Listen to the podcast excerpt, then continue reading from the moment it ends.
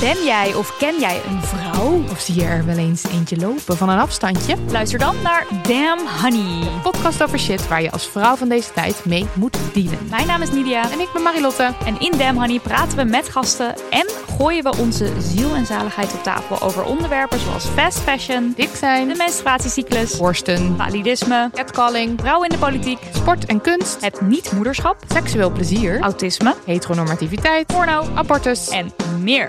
Elke zaterdag in je podcastfeed.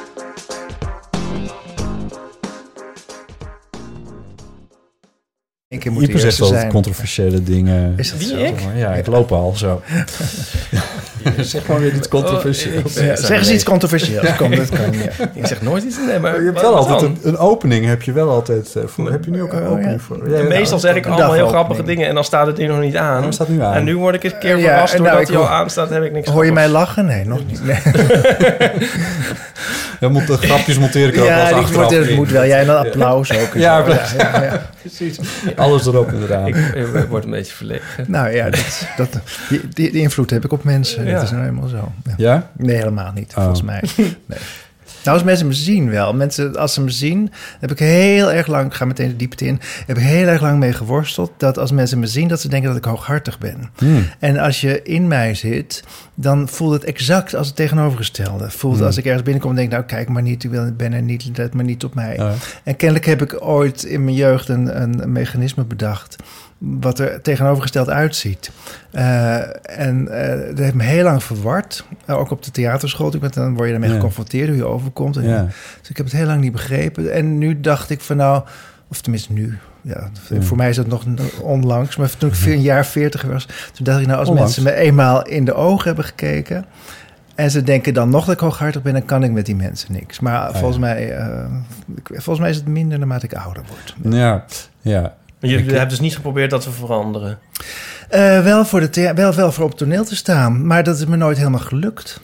Nee, dat is me Hmm. nooit helemaal gelukt. Omdat ik niet precies weet wat het is. En deels is het gewoon bouw. Eh, ik heb een Hmm. groot hart, en letterlijk en figuurlijk, maar vooral eh, letterlijk. Eh, dus de borstkast staat uit. Dus de- mijn houding waarin ik loop is een beetje rechtop en met de borst naar voren. Ehm, maar dat is allemaal puur technisch. Ja. En, en, en het, het paste dus buiten. En daarom gaan mijn boeken eigenlijk altijd over de buiten, dat de buitenkant niet lijkt, niet, zich niet verhoudt Ja. tot de binnenkant. Of hoe die zich verhoudt. Of dat, dat, dat je niet gezien wordt. Eigenlijk gaat altijd, gaat eigenlijk altijd daarover. Ja. Ik zal je nog even netjes introduceren. ja, wil je dat doen? Mensen hebben geen idee. Die, zijn, die hebben al dingen naar de stad voor gehouden hoer.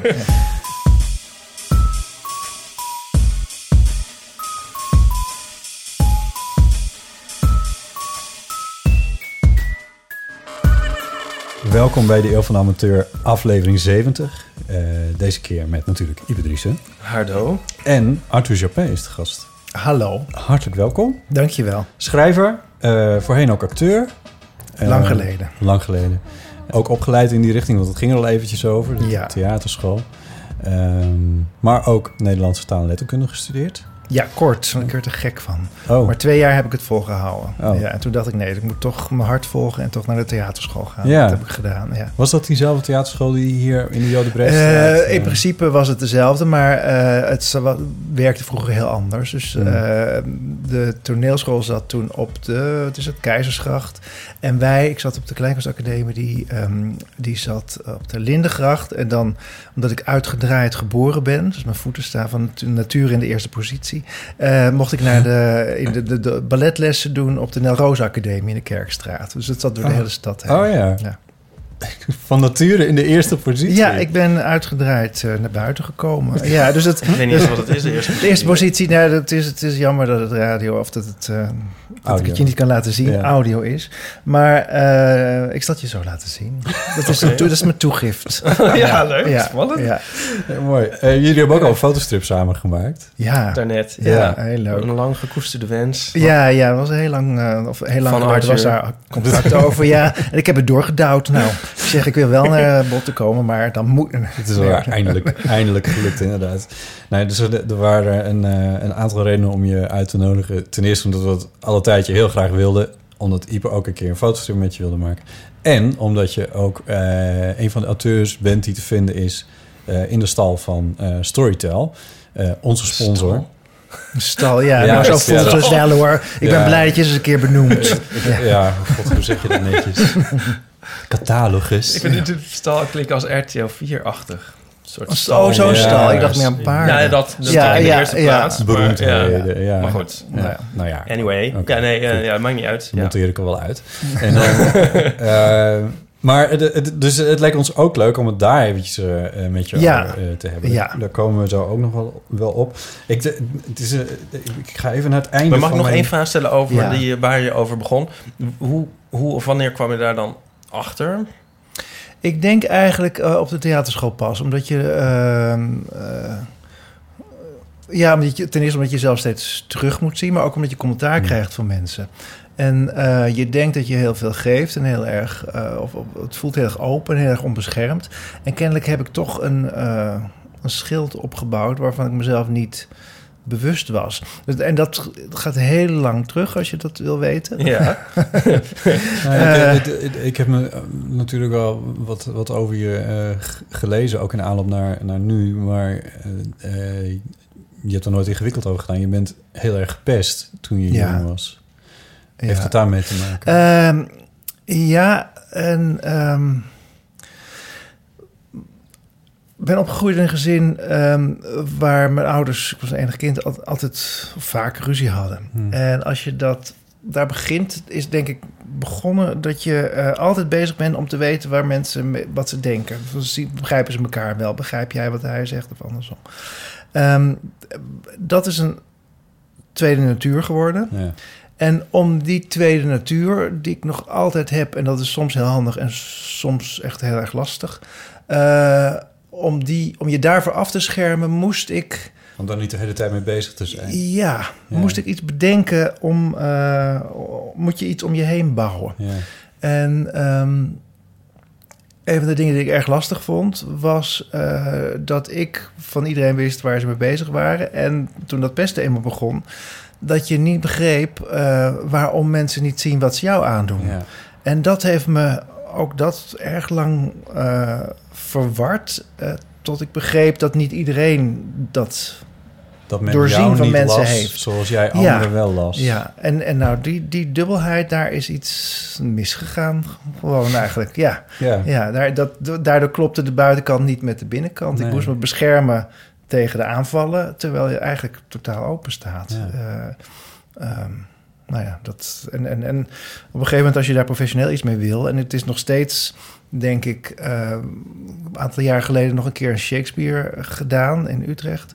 Eh, veel gedoe om niks. En toen wist ik weer waarom ik het graag wilde. En ik wist ook waarom het niet goed voor me was. En het heeft Hmm. deels daarmee te maken. Omdat je er niet open genoeg kunt staan. Omdat er iets tussen zit.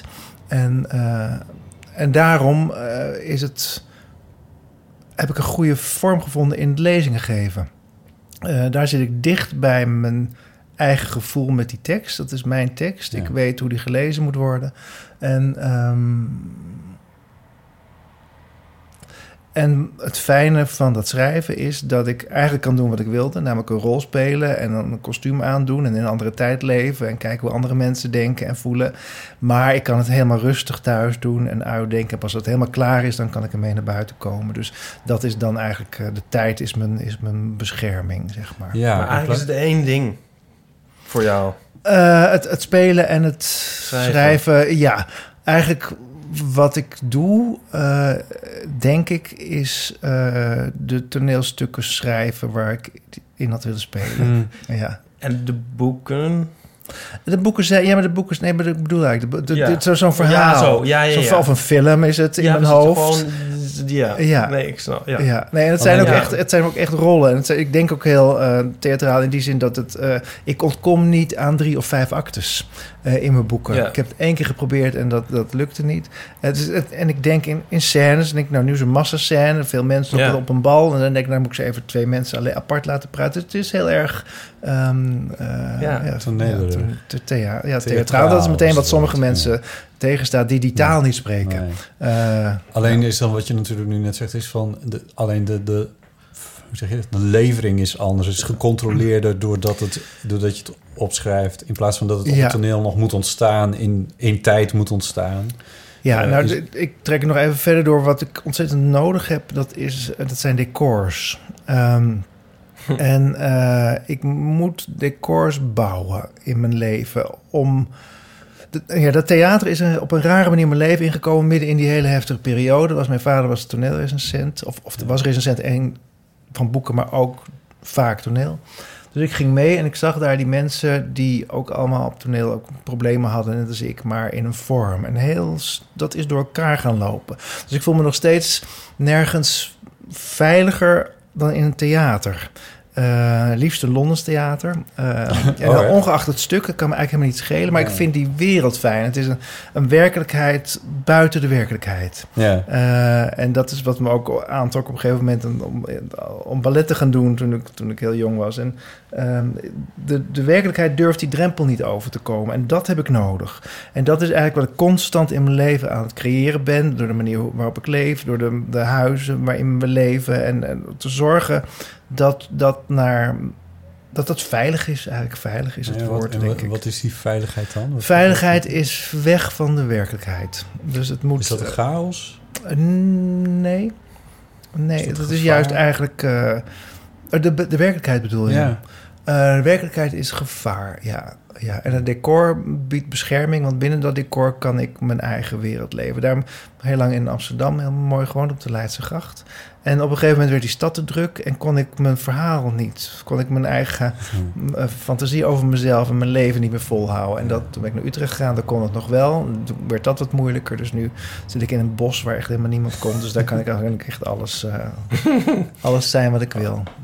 Na- naast Jeroen Brouwers. Of, nee. Nee, Nee. nee, nee, nee. Ik weet niet waar die, in welk bos die Welk zit, bos maar dat, eh, dat zou niet helpen. Maar eh, we kunnen niet onvermeld laten, vind ik, dat Paulien, eh, die dus eh, ehm, eh, ook deel is van onze Ja. die noemt dit ook vaak. Die staat, staat dan, het liefst dan op het toneel, maar dat is voor haar de allerprettigste plek, Ja, omdat het ook, ja, zij noemt het een soort duidelijkheid. Maar volgens mij ligt het Ja. heel erg in het verlengde. Nou, Karin Bloemen, eh, over wie ik een, een roman geschreven heb over haar jeugd, die eh, zei dat heel erg mooi tegen me. Ze zegt, ja, ehm, even kort schetsen, ze is opgegroeid eh, in een gezin waar de stiefvader de dochters begluurde. En echt, dus overal verschenen gaatjes in de, de wc en in de douche. En altijd kon die man gluren en foto's maken. Dat was een fotograaf. Je kan het niet verzinnen als roman schrijven, maar dat was Ja. waar. Eh, en je zou denken, als je dan opgroeit, dan zorg je dat je nooit meer gezien wordt. Maar nee, wat doet ze? Gaat het tegenovergestelde en gaat toneel op. Ja. En niet gewoon, maar gewoon zeg van heel groot. All kijk out, mij Zo hier. groot mogelijk. En ze zegt, ja. maar dat zijn mijn 25 vierkante veilige meters. Daar Ja. ben ik de baas. Ja. Wat er zometeen in de coulissen gebeurt, dat, Ja. dat weet ik niet. Ja. Maar hier ben ik het. Dus dat is denk ik wat, Pa- wat. Paulien bedoelt. Dat is ook een soort, soort, soort beteugeling van de chaos, denk ik. Dat is misschien een beetje mijn, eh, mijn gedachte Ja. over hoe ik daar dan mee, eh, mee zit. Eh, van daar heb je de controle. Ja. Die, Want, beheer, die want- ja, beheers want, je. want lees jij wel de krant dan? Nee, Oh nee. natuurlijk niet. Oh, ook niet. Gekkie. Nee, Paulien Ja. ook niet. Nee. Nou, nee, inmiddels ja. een beetje, Ja. omdat ze voor de, in, nu staat ze sinds september staat ze voor op de Volkskrant. Ja, ze Eh, moet wel. Nou ja, een Ja. beetje, ja. Maar echt helemaal niet. En nee, en dan kan ik ook. Ik weet precies wanneer ik ermee opgehouden ben. Dat was eh, tijdens de oorlog in Joegoslavië. Toen, 1995. eh, ja. Eh, en eh, er waren berichten. En eigenlijk doet het er niet toe of ze waar zijn of niet. Maar in de krant eh, werd bericht dat. ehm nou, of allemaal gruwelijke oorlogsmisdaden. Ik weet niet eens meer welke kant het welke kant aandeed. Het doet er ook niet toe. was ook wel een beetje ingewikkeld, ja. Het, het was ingewikkeld, maar het was ook eigenlijk los van waar het me om ging, was dat er stond dat soldaten waren een dorp binnengegaan, hadden de vrouwen verkracht. Toen hadden ze ze vermoord. Toen hebben ze ze de baarmoeder opengesneden en daar een levende kat ingenaaid en die weer dichtgenaaid. Ik ongetwijfeld niet waar, dat is veel te veel gedoe en je moet door en je wil liever een volgende vrouw hebben, neem ik aan. Maar eh, het, Maar het hield me er. zo bezig. Eh, en dat ik denk, ik geloof niet dat het de bedoeling is dat alles mijn leven binnenkomt. Hmm. Ehm, vroeger leefden mensen eh, heel erg prima door alleen te weten wat er in hun eigen dorp en het dorp verderop gebeurt. Ja. En als er ooit een schip verging, dan stond het een jaar later, kwam er een courant Ja. en er stond dat en dat schip is vergaan. En dat was eigenlijk, in principe is dat genoeg. En het feit dat je de hele dag de meest verschrikkelijke ellende binnenkrijgt, Ehm, dat doet afbreuk aan ehm, wie je bent en aan hoe je je eigen leven in moet vullen. Dus toen eh, hebben we de kranten eh, zoveel mogelijk weggedaan. Eh, in het begin las ik nog wel. Eh, ehm, de, de, de, de boekenbijlagen en zo. Maar eh, toen ging ik zelf boeken uitgeven. Toen leek het me ook beter om daar verder geen kennis meer van te nemen. En ehm, zo is het opgehouden. Maar ik, ik moet je eerlijk zeggen, ik zit wel op Twitter. En daar zeggen, ja. zit ik ook... eh, eh, zie je veel... Maar gek genoeg komt dat minder binnen. Ja? Eh, ja, dat zijn plaatjes die langs flitsen. De ja, eigenlijk gewoon een... Ja, ja, bedoel, ik zie wel... Het is niet dat ik echt dat ik voor wegloop. Dus ik zie wel eens een journaal of dingen. Maar het is niet dat ik het nieuws wil volgen. Nee. En ehm in tegendeel denk ik dat je er meer van leert door afstand te nemen... dan door er de hele dag middenin te zitten. En dat heeft ook mee te maken dat mensen vragen me wel eens... ehm, waarom ik altijd over het verleden schrijf. Ja. Eh, en eigenlijk is dat ten eerste niet helemaal waar, want heel veel dingen hebben een link naar nu. Ehm, maar ik kan nu niet beoordelen. Ik ben nu partij in nu. Mhm. Ik vind van alles. Ik bedoel, via Ben, mijn partner die Amerikaan is... ehm, en, en wiens zus in de verkiezingen heeft meegedaan... weet ik ontzettend veel, krijg ik ontzettend veel te horen over, over de verschrikkingen... die zich in Amerika afspelen. Ehm, en daar vind ik iets van. Dus ik kan daar nooit over schrijven, want eh, ik, ik heb nodig om iets te schrijven dat ik ieders drijfveren van alle kanten kan begrijpen. Eh, en dat kan niet als ik er zelf partij in ben. Eh, en anders krijg je een, kan een boek schrijven van... kijk, is dat gebeurd of is dat verschrikkelijk erg? Hè? Wat is dat erg? Maar dat, die, zo is iemand ben ik niet... en dat interesseert me ook niet om te lezen eigenlijk. Nee.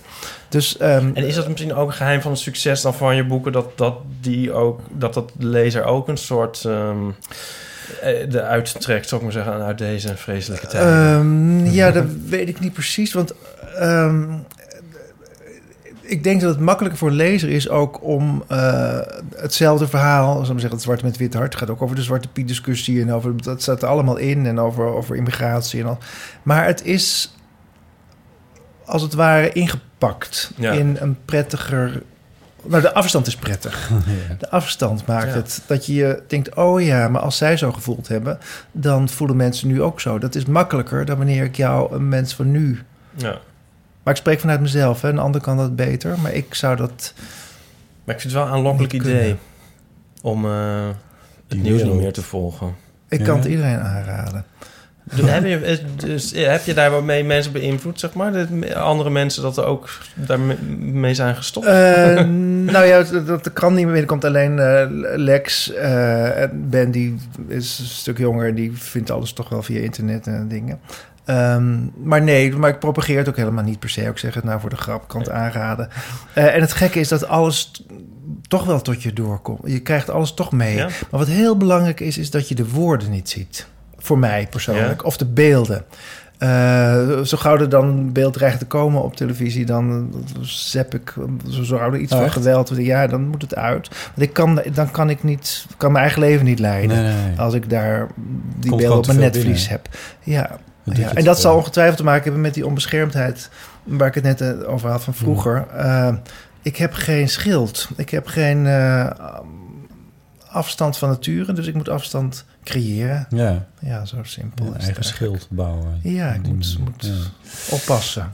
Mooi. Ja. Ja, nu het toch ook wel over je jeugd eh, weer hebben. Er is een eh, vaste luisteraar van ons die regelmatig eh, ook vragen instuurt. Of, Leuk. eh, dat is Geeske, ze woont in Leeuwarden. En ze schrijft Leven Vreun, dat is Fries voor lieve vrienden. Goed. Ik kijk uit naar de aflevering met Arthur Chopin. Graag zou ik van hem willen weten of hij als kind al wist dat hij schrijver wilde worden. En zo ja, was er dan een bepaald boek of een schrijver die belangrijk voor hem was? Fijne opname, lieve groet. Ja, Eh, in het, het tegendeel is waar. Ehm, mijn vader niet. was schrijver. Ja, oh ja. En eh, was doodongelukkig ervan geworden. Pleegde zelfmoord toen ik 12 was. Ja. En voor die tijd kwamen er heel veel schrijversvrienden van hem bij ons over de vloer. En dat was echt stuk een- voor stuk geen reclame voor het schrijverschap. de een was nog ongelukkiger dan de andere. en Oh, miskend en aan de drank. En ehm, er was er één die groeide krom. Eh, die had de ziekte van Bechterew, weet ik nu. Dat wist ik toen niet. Eh, en mijn vader zei tegen mij: Ja, op een dag zal die stikken. Want dan is, Is die krom. zo krom, dan kunnen die longen niet meer uitzetten. En dat is ook gebeurd. Oh, en nee. dat was mijn beeld van schrijvers. Ja. Dat je denkt van, nou, dat is niet eh, iets wat ik ga doen. Maar, maar belette je dat ook om boeken te lezen? Ehm, nee, helemaal niet. Eh, dus er waren veel boeken bij ons thuis. En ehm, de waarde daarvan werd ook, eh, wa- was belangrijk. Wat ehm, grappig is om te vermelden bij jullie misschien... is dat mijn vader deed wat Paulien nu doet. Mijn vader had een rubriek op de radio... met gekke taalgrappen en Oh. fouten en dingen. Dus het ging altijd over taal en over woorden. En er was altijd was er, eh, nieuwe informatie nodig. En hij schreef ook boeken die ook toen eh, heel erg eh, populair waren. Net als Paulien's boeken nu. En ehm, dus er was altijd stof. Er is zelfs één programma dat gaat helemaal over mijn eerste woorden. Mijn, mijn taalverwerving. En, Een radioprogramma.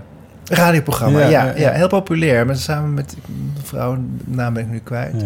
Eh, elke week, ik geloof een half uur of een uur. Eh, en ehm, dus ik was altijd aan het opletten, want je wist dat, nou, gekke taalfout, er zit ergens een grap. Dus ik kan me één ding herinneren dat een briefje meekreeg van het schoolhoofd de lagere school.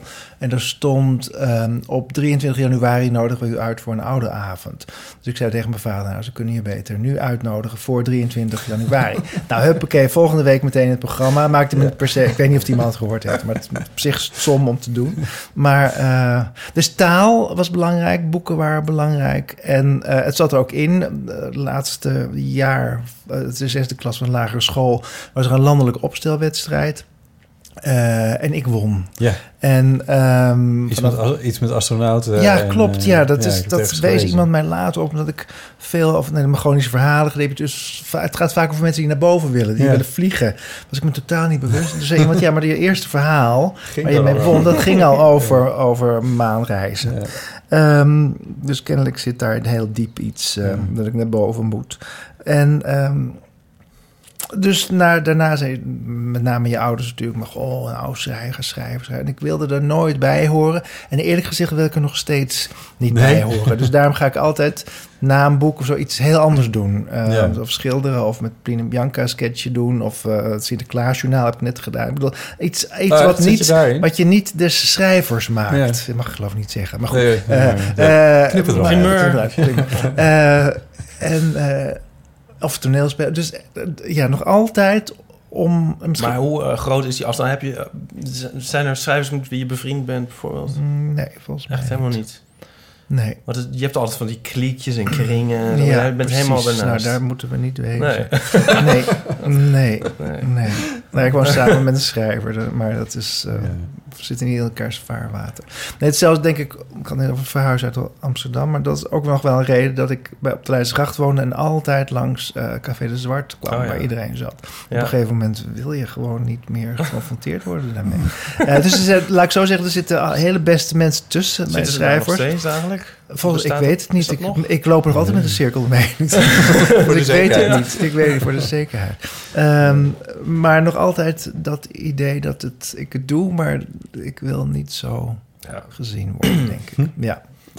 We hebben ook een paar rubrieken. Eentje ervan, eh, ja, dat is een beetje onze hit, hè? Dus die moeten we toch wel, eh, Ja, toch wel spelen. erin. Wat is het? Oh, hard, hard is het.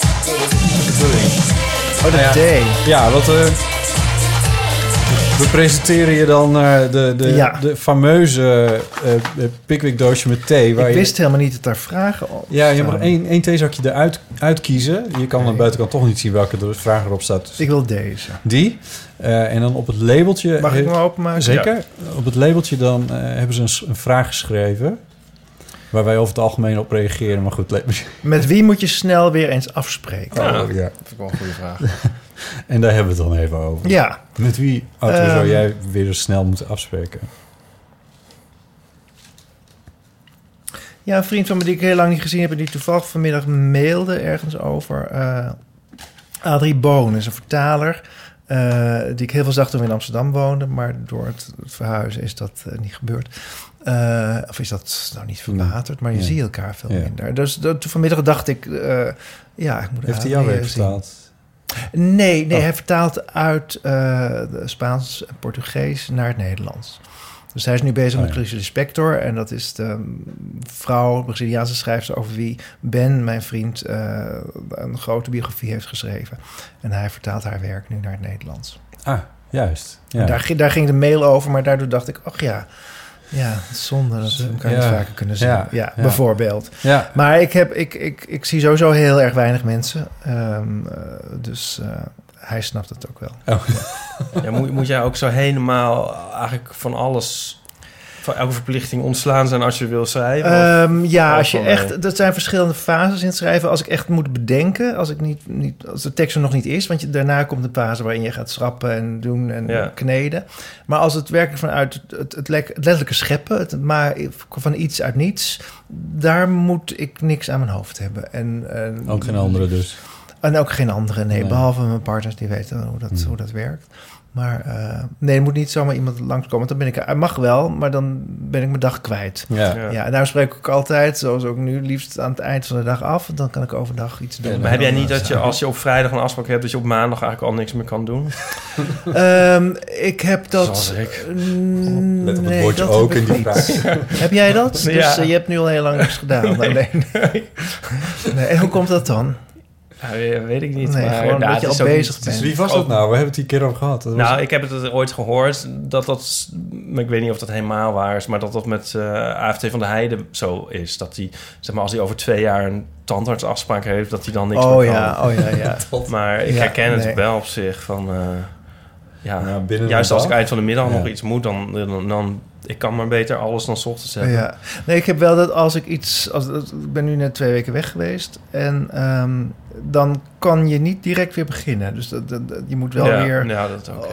oh, je erin verdiepen. Dus dat is aan de andere kant. Maar nee, totdat ik wegga, kan ik wel Ja, bezig blijven. En je bent ook wel productief. Maar ehm, ik zit te denken over met wie je moet je Ja. nog eens afspreken. Want dat is ook iets van eigenlijk hoe ouder je wordt, hoe erger dat wordt. Hè? Niet dat ik daar iets van wil weten, worden, maar Dat heb je gehoord van hele oude gehoord. Ik mensen. heb gehoord. dat- ja. Wat, bedoel je precies? nou, dat is dan wordt die lijst steeds langer. Met wie moet je nog eens?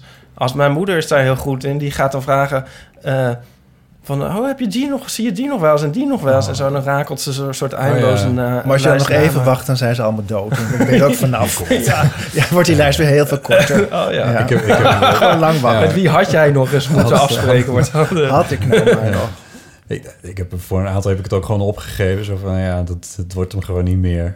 En dan Oh, komt het ja. dan dat jij niet belt of omdat zij niet bellen? Ja, dat is, dat is een combinatie van, van dingen. Ja, de- ja, ik bedoel, laat het bij mezelf houden. Ik, ik bel ook mensen niet Nee. meer. Ja, Nee. maar... eh, En je had het net over chaos ja. die je buiten moet houden. Heeft het daarmee te maken dat het te veel... ja, ik denk het ook wel een beetje, ja. Ik denk het toch ook En hoe wel. ervaar je die chaos? Eh, goeie vraag. Ehm, nou... Ja, het, het werkt op verschillende niveaus. Want het- ik bedoel... ehm, in het algemeen... Want het ging, het ging net over, over het nieuws en zo. Ik heb daar op een of andere manier wel een modus voor gevonden. Dat ik dat dan wel tot me kan nemen, Mm. maar dat me dat dan niet raakt. Mhm. Ik weet niet of dat gezond is, maar ja, op een andere manier de krant lezen is, is ook bij Ja. kant over onmogelijk. Ehm, en ja, op een andere manier ook de gaas buiten. Ja, ik weet niet. Ik, ik, ik geloof niet dat ik heel erg, heel erg avontuurlijk ben op zich. Mm. Omdat dat te veel chaos zou Ja. geven. Ja, om een heel simpel, een heel stom voorbeeld te noemen. Ik kwam op eh, in jouw oude huis, een feestje van, eh, van een eh oud huisgenoot. Oh, ja? Dat feestje, daar kwam ik binnen. Jij stond er ook. En dat was in een soort... Iedereen was bij elkaar geklonterd in de keuken. En er stond, er stonden, ik heb geteld, er stonden vijf groepjes met elkaar te praten. Vijf praatgroepjes. Ja. En ik dacht, dit, dit is voor de eerste keer in mijn leven dat ik denk van... Jezus jongens, dit is echt veel. Ik kan dit gewoon niet. Ik Nee. kan hier niet tussen staan. nee, nee, dit, nee. dit wordt hem niet. Dus toen heb ik mezelf langzaam met mijn gesprekspartner richting de deur bewogen. En Ja. toen gingen we uiteindelijk toch in een andere kamer zitten. En dat werkte dan weer. Maar is dat dan nu erger dan vroeger? Eh, ja, voor zover ik vroeger heb. Eh, ja, Maar ja, het voor zover je, eh, je hebt wel een klein beetje vroeger. God, ben ik zo oud. Ik ben de ene die vroeger heeft. Nee, ja. erg. Jij bent, al- jij bent niet in denial, maar... Het is wel, ja, jawel, het is wel erger dan, het is wel erger Ja. dan vroeger. Ja, Ja. ja. dat is wel. Ik, ja, ja, maar ja. feestjes En, en, en cafés, dat kan ik helemaal niet. Dat heb ik nooit gekund. Nee? Je force, ik forceerde me Hmm. toen ik jouw leeftijd had. eh, om dat te doen. En dat kan ik echt gewoon echt helemaal niet. Dus ik ga nooit naar een verjaardag. Vier ook nooit een verjaardag. Eh, en ik kan dingen alleen als... ehm, de, de afspraken duidelijk zijn. Daarom, waarom was toneel voor mij goed geweest? Zeg maar ja, ja. nergens is- zijn de afspraken duidelijker als je eenmaal staat dan daar. Ja. Eh, Maar ik weet niet of je het ook hebt, maar ik heb dan dus bijvoorbeeld bij, bij feestjes en ook met uitgaan eigenlijk wel, dat ik dan met mezelf een soort afspraak eh, maak van, oké, je, ga, je gaat een, je, je blij- na twee uur Je mag moet. je weg of zo. Ja. Weet je, zo, dat soort ja, maar dingen. dan, dan moet je toch niet... Maar waarom doe je Waarom dat doe je dan in de eerste plaats? Ja. Ja. Omdat, omdat ik Omdat anders ik- helemaal geen ik aandring. leven Omdat jij wil... Ja, dieper. Omdat het moet van Ja. Zijn er niet ook, zijn er Ja. ook niet dingen die makkelijker gaan? in het leven. Ja, ik bedoel, deels Dan- herken ik het wel, maar zijn dat ook niet... Jawel, er zijn heel veel dingen die heel veel makkelijker De botten moest laatst naar een, eh, ga ik ook even vertellen, Ja. naar een borrel van Vrij Nederland. en dat soort borrels, dat, dat, dat is nou het soort ding dat als ik dat volgende week zou hebben, dan zou ik nu denk ik al Ja. in een stuip kunnen zijn. Ja. Maar aan de andere kant gaat dat ook langzamerhand wel makkelijker. Dat ik denk, nou ja, het zal, vroeger vond ik dat echt verschrikking. Ja. verschrikking. En nu denk Ja. ik van, nou ja... eh, Nou, ergens van dat soort dingen is dat je, zolang je het gevoel hebt dat je nog iets moet, of dat je je moet bewijzen, of dat je moet laten zien wat je kan, of dat je een belangrijke afspraak met iemand moet maken, dan wordt het een enorme klus. Ehm, en aan de andere kant zou je over een tijdje zou je dat soort dingen kunnen zien als eh, dat is werk, want ik moet me laten zien Ja, en ik moet daar iets. Dus Ja. dat is, maar de vraag is, waarom ga je naar een feestje als je met jezelf afspraak moet maken? Ik moet, ik bedoel, ik zou het zelf ook gedaan hebben en heb het ook denk ik wel gedaan. Ik moet minstens zo lang blijven.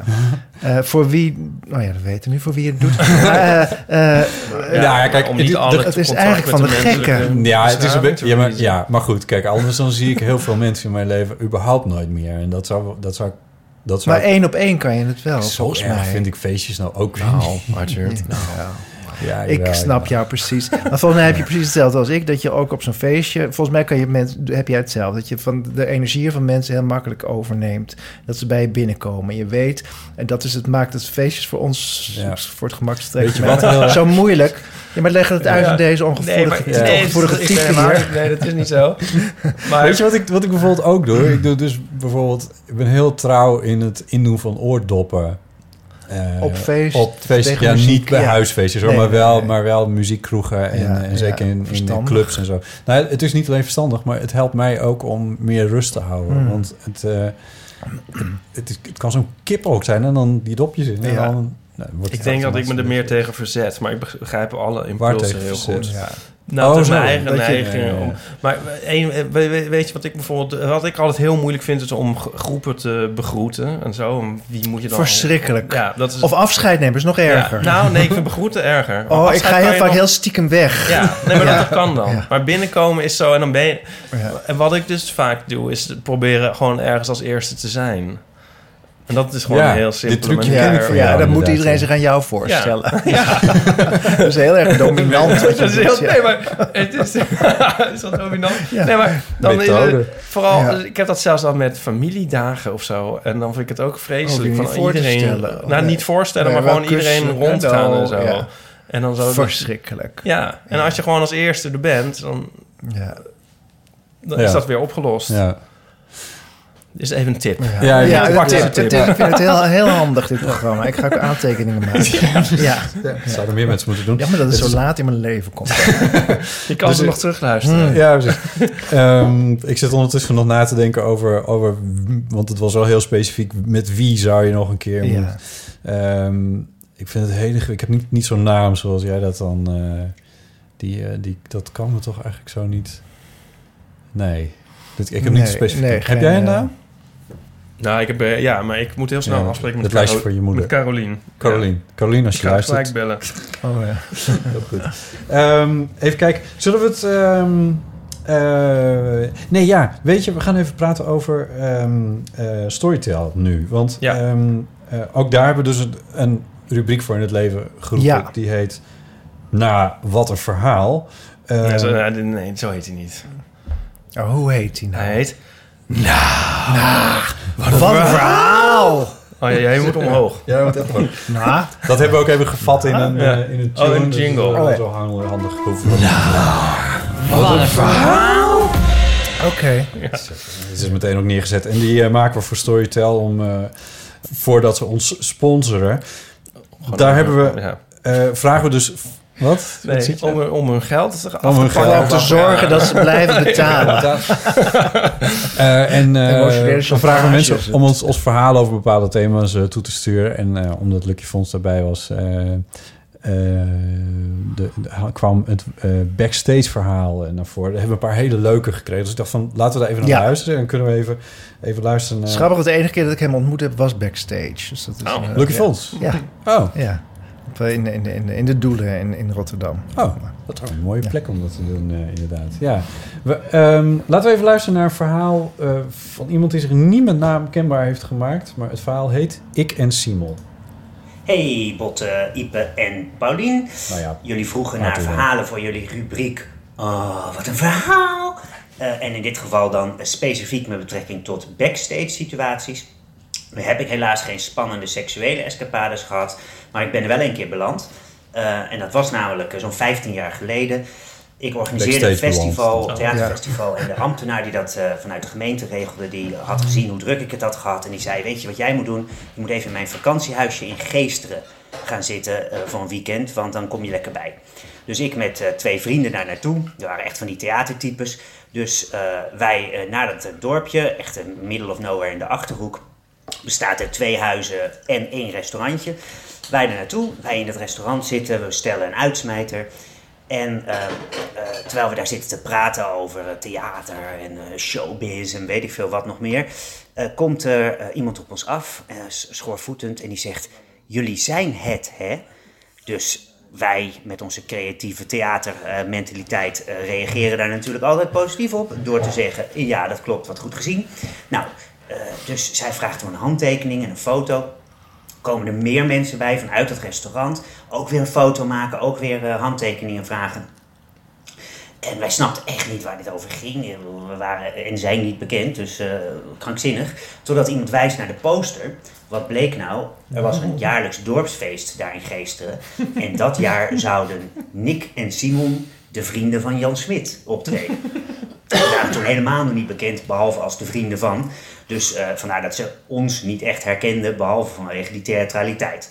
Nou, op een gegeven moment komt eh, een beetje de lolbroek van het dorp erbij. En die, eh, ja, die heeft te horen dat wij het nooit kunnen zijn. Maar die zegt, kom, je moet met ons meekomen. Dus wij naar een of ander boerenland, boerengrasveld... waar een enorme tent stond, naar de backstage ruimte. En daar brengt hij ons naartoe. En daar worden we ontvangen door de voorzitter van de Oranje Vereniging. Oude, hele lieve, aardige mevrouw. Die ons dus meeneemt en zegt, oh welkom, wat fijn dat u er bent. En die laat ons eh, de kleedkamer zien, die helemaal mooi was aangekleed. En er was sterke drank en broodjes en alles was voorradig. Dus wij daar lachend een beetje in de kleedkamer zitten. Totdat er een soort van backstage jongen aanklopt. Helemaal in de stress met zo'n portofoon. En hij zit eh, te communiceren terwijl hij ons vraagt... Het spijt me heel erg dat ik u stoor, maar... Kan het misschien kloppen dat er nog twee Nick en Simon zijn? Nou ja, uiteindelijk was het natuurlijk een beetje gênant en moesten we eerlijk toegeven dat wij een beetje de boel voor de gek hadden gehouden. Maar ze hebben er super positief op gereageerd, want we waren eh, een, een, heel weekend lang de running gag van eh, het dorpje Geesteren. En we kregen gratis drank en alles. Dus eh, het is goed gekomen en ik ben blij dat ik het, de kleedkamer van Nick en Simon gezien heb. Ook al is er dan niks gebeurd. Eh, nou, heel veel plezier met jullie podcast en eh, ga zo door. Doei! Doei, dankjewel. Onbekende instuurder met het verhaal Ik en eh, Simon. Ik vind het een goed, goed, goed backstage Verhaal? eh, verhaal. Eh, we hebben er nog eentje van Jeffrey. Hallo, dit is Jeffrey. Ehm, ja, vorige week luisterde ik jullie podcast en ik schaamde me dood, want Ipe had het over me. En ik had namelijk beloofd om een verhaaltje in te sturen en dat had ik niet gedaan. Dus ja, bij deze alsnog. En dan in het kader van backstage verhalen met artiesten. ehm, ja, ja, ik werkte een paar jaar geleden in een café in eh, Amsterdam, Skek, aan de Zeedijk. En eh, op een avond had ik Lucky Fons aan de bar. En ehm, ja, dat was hartstikke gezellig en hij was eh, super geïnteresseerd. En ik vertelde dat ik in Zuid-Afrika had gestudeerd. En hij vertelde dat hij zojuist een singeltje had opgenomen in het Nederlands, maar ook in het Afrikaans. De Nederlandse titel was eh, Ik heb een meisje. En in het Afrikaans was de titel Ik heb een meisje. En nou, zoals ik al zei, de avond was super gezellig.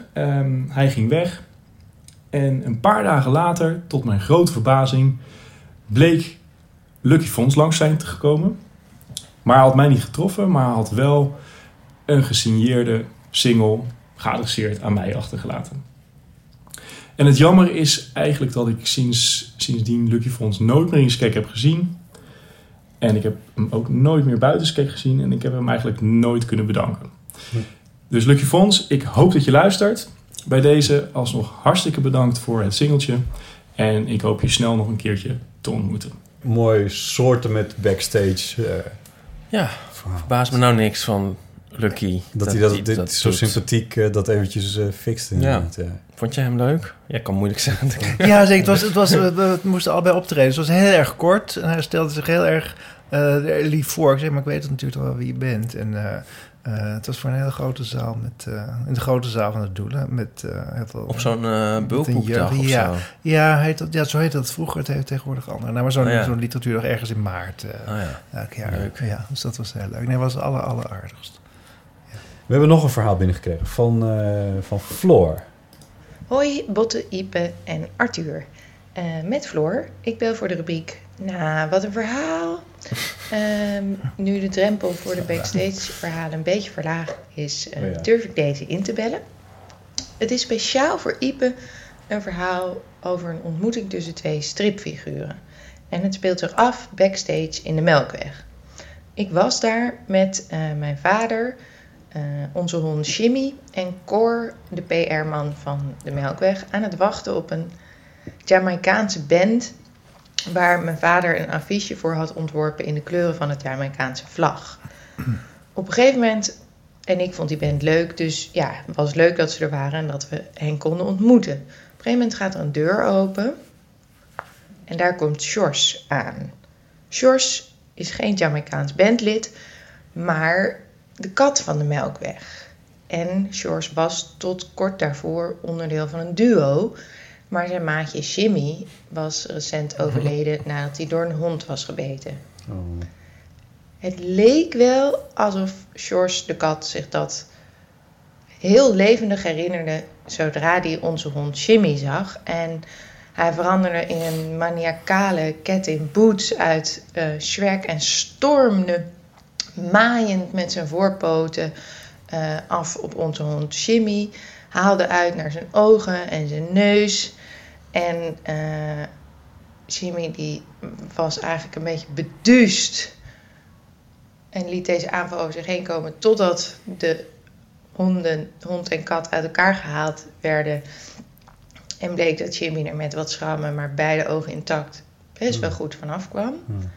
Eh Sjors heeft ook zijn gezag laten gelden en was vanaf dat moment onbetwist heerser eh, van de dierenwereld backstage bij de Melkweg. Want er mochten nooit meer honden komen gedurende de rest van zijn leven. Dat was mijn verhaal. Dank voor de mooie podcast. Doeg! Oh, wauw. De, de backstage kat van de Melkweg. Ik kan me er wel eens bij voorstellen. Zo'n oud huis of zo'n oud... Wat is het? Oud fabrieksgebouw eigenlijk. In eh, het centrum van Amsterdam. Waar je dan liever een kat hebt rondlopen... dan dat alle muizen daar... gewoon. ja, precies. Ja, mooi, zoals Jimmy. Wat Ja. een toeval. Ja. En we hebben er nog één. Een, nog één laatste backstage verhaal van Yildau. Hoi Botte en Ipe, met Jildau. ik eh, heb een backstage verhaal voor jullie rubriek. Nou, wat een verhaal. Ehm, namelijk, eh, toen ik 15 was, eh, dat is voor mij zo'n half leven geleden. Toen ehm, was ik bij het optreden van een eh, jongensgroep, zal ik het maar noemen. in, eh in Eernsum, van station Grauw Eernsum. Mijn verhaal heeft ook nog wat raakvlakken met jullie eerdere afleveringen. in Friesland om andere ja, ik moet maar een jongensgroep om hun anonimiteit een beetje te waarborgen. Maar ehm, ik kan wel zeggen dat zij ook ter sprake zijn gekomen in de aflevering met Otto. Dan eh, kunnen jullie het misschien wel raden. Ik weet het niet. Nou ja, na Strippers. afloop van hun optreden Nee. gingen zij handtekeningen uitdelen. Boyband. Eh, nou, ben ik naar de knapste van het stel ben toegestapt en dan heb ik een handtekening gekregen op mijn buik. Want eh, in die tijd droeg je naveltruitjes, dus dat, eh, dat ging dan zo. Ehm, en ik dacht toen bij mezelf, ja, ik zie deze lui toch nooit weer waarschijnlijk. Dus ik heb mijn stoute schoenen aangetrokken en ik heb gewoon aan de knapste gevraagd van, ehm, zullen wij straks nog eventjes zoenen? En eh, tot mijn verbazing eigenlijk wel, zei hij van, ja, dat eh, komt wel goed, wacht maar even. Kom maar goed. Nou, op een gegeven moment kreeg ik inderdaad een seintje van hem eh, dat ik backstage mocht komen. Heb ik met hem een biertje gedronken, een jointje gerookt zelfs. En dus inderdaad gezoend. Nou ja, en hij kreeg al van de andere leden van de groep commentaar van... Oh, heb je er weer eentje? En hoe oud is deze? Nou ja, ik was dus een jaar of 15 en hij was eh 23 als ik het me goed herinner. Dus eigenlijk kon het niet helemaal. Nou goed, ik eh zwaar onder de indruk natuurlijk van hem. Ik had een poster van, of nou ja, eigenlijk een uitgeprint A4'tje van zijn hoofd boven mijn bed hangen en zo. En eh, nou ja, na die tijd volgde ik ze een beetje door Friesland heen als ze ergens optraden. Dan, dan rende ik vaak na het optreden gewoon het podium op en hup achter ze aan backstage. Nou, ze hebben ook een keer in, eh in Grauw opgetreden, in de Treemter. Dus wederom van station Grauw-Eernsum. Nick en Simon, denk ik. Eh, daar was het zo dat hij mij na afloop eh, meenam naar buiten. Eh, best een eentje lopen was het. En toen kwamen we aan bij een eh, leegstaande villa. En dan moest je volgens mij met een, een ladder naar boven, omdat er geen, geen trap nog in dat huis zat of niet meer. En eh, nou ja, daar is dus ook het een en ander gebeurd. Maar het is een gek verhaal natuurlijk, want ik had geen idee van hoe hij daar nou van wist. Want hij woonde dan in Amsterdam. Hoe weet je in Grauw of op Places een leegstaande villa optreden. te vinden die niet op slot staat. Maar goed, Met ik eh, was volgens mij toen inmiddels een jaar of 16 en gewoon te bleu om te vragen hoe hij dat nou precies wist. Dus dat zal ik nooit weten. Maar eh, nou ja, toen hand in hand met hem teruggelopen. Helemaal trots natuurlijk. Dat ik dacht van, oh, al die meisjes die zien me nu met hem lopen. En wat zullen ze jaloers zijn. Eh, dus, eh, nou ja, goed. Zwaar onder de indruk. Ik heb hem nog een paar keer ge-sms, want ik had al zijn nummer. En ik wou graag met hem afspreken. Ik zei, ja, kom dan naar Amsterdam. Maar het is er natuurlijk nooit van gekomen. Maar ik was voor mezelf wel heel trots dat ik met zo'n beroemdheid eh, had gezoend en zo. Nou, bij deze heel veel succes verder met het maken van de podcast. En ja, veel plezier. Doei doei. Dankjewel. Wat een Dankjewel. Ben jij wel starstruck nog? Nou, ik was, ik was toevallig vorige week was ik in eh, New York eh, en bij iemand om een drankje te drinken. En er kwam een klein man binnen.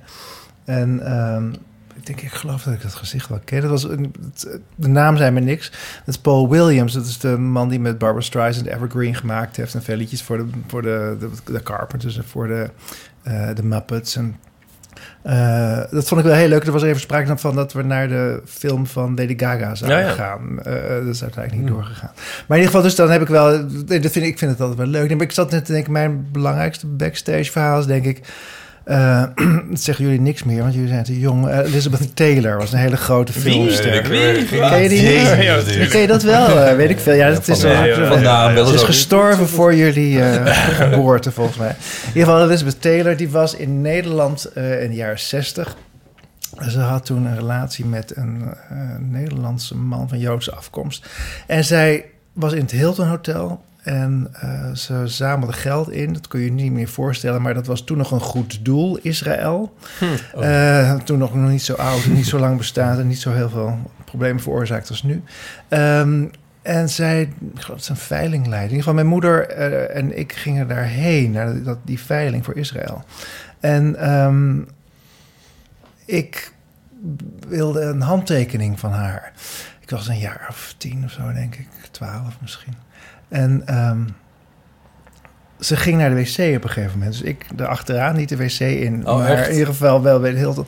En toen kwam ze naar buiten. En ik denk, of ik weet eigenlijk wel zeker... dat, ik, dat ze aan mij gezien moet hebben hoe wonderlijk ik was. Hm. In ieder geval, ze maakte een heel gesprek met me. Oh. En, maar dit- dus dat, dat vind je, dat, je voelt je gezien, dat was Ja. heel belangrijk. ja. Maar eh, toen kwam het. Ik ging met mijn moeder eh, regelmatig naar Londen om toneel te zien. En er was op Leicester Square een grote bioscoop die nog altijd is, waar veel premières zijn. En er was een première gaande toen wij uit het theater kwamen. En eh, het was nog niet zoals tegenwoordig dat alles bewaakt moest worden. Dus je kon gewoon naar binnen lopen. En eh, daar kwamen een aantal mensen. Charlton Heston was er, Lee Remick, grote filmsterren. En eh, op een gegeven moment kwam Liz naar beneden van de trap met een man aan haar arm die ik niet kende. En halverwege de trap kijkt ze naar beneden en ze ziet me staan. En ze komt de trap af en ze zegt: ze, Ach, wat leuk om je te zien. Hoe is het met je? En dat, ongetwijfeld dacht zo... God, heb je dat rare kind uit Amsterdam van een paar maanden geleden. Maar gewoon het feit dat iemand dat doet... daar heb ik zo ontzettend veel van geleerd. En nog altijd, ook eigenlijk als mensen naar mij toe komen... denk ik, oh, maar het kan zoveel betekenen. En je moet gewoon die energie geven. En eh, het was een soort les in de liefde van eh, Elizabeth Taylor. dus dat is mijn... eh, Wauw. wat ik er tegenover kan stellen. Ja, wat. Ja. Hoe oud was Ja. je toen? Ja, dat weet ik. Zou ik moeten kijken wanneer het precies was. Maar ik denk een jaar of twaalf of zoiets. Ja. Ja. Maar goed, hè, dat iemand Maar dat gewoon dus die ook- de hele dag aangesproken wordt, uiteraard. Zeker toen, want Ja. ze was op het hoogtepunt van de groep. Eh ik denkt, oh weet je wat, ik neem even vijf minuten om Ja. even te zeggen hallo. Ja. Ja, heel bijzonder. En is het, dat, want je zegt dat is een les geweest, dus dat doe je zelf nu ook bij... Ik heb altijd... ehm, op een gegeven moment ging ik eh, spelen in eh, Onderweg naar Morgen. Ja, ver voordat ik, of niet eens zo heel ver, maar voordat ik schrijven ging. Ehm, en eh, toen, breed publiek. toen zei iemand tegen mij, want je neemt dat twee keer van tevoren op. Die zei nou, op het moment dat dat zometeen op televisie komt... dat was toen op zes uur of half zeven... in ieder geval iedereen kijkt, iedereen keek... Eh, hij zegt, dan gaan mensen je aanspreken. Dan kan je twee dingen doen. Eh, kan je of denken van, ik heb er geen zin in en ik draai me af. En dan heb je een soort botsing tussen twee mensen. ja. Of je kan hun energie overnemen. En zij komen naar je toe, want ze denken ook, ken hem van eh, de bank. We zouden gisteren te eten, toen was hij er ook. Hallo. Ja, ja, meestal mensen, en je neemt die energie over en zegt hallo. En, je, en dan ga je allebei opgeladen verder. En dat is zo'n goede les geweest. Dus die twee dingen. Dus ik, ja, ik neem, probeer altijd eh, tijd te nemen en, en ook die energie te geven. En eh, te begrijpen wat het voor iemand is. Want dat weet ik dus vanzelf van toen nog. eh, Ja. Wat de moed er eigenlijk voor nodig is om naar iemand toe te gaan. En Ja. naar mij is het minder eng dan naar Elizabeth Taylor misschien. Maar toch is er eventjes, het is een stap. En iemand doet iets en komt je eigenlijk iets brengen. Namelijk zijn energie en zijn bewondering en zijn, zijn aandacht. En eh, het is alleen maar heel erg belangrijk om die terug te geven. En er zijn heel veel, met name schrijvers, die dat helemaal niet willen. Nee. En die dat, niet, dat mechanisme niet snappen. En dan onthoud je jezelf iets heel erg belangrijks. Ehm,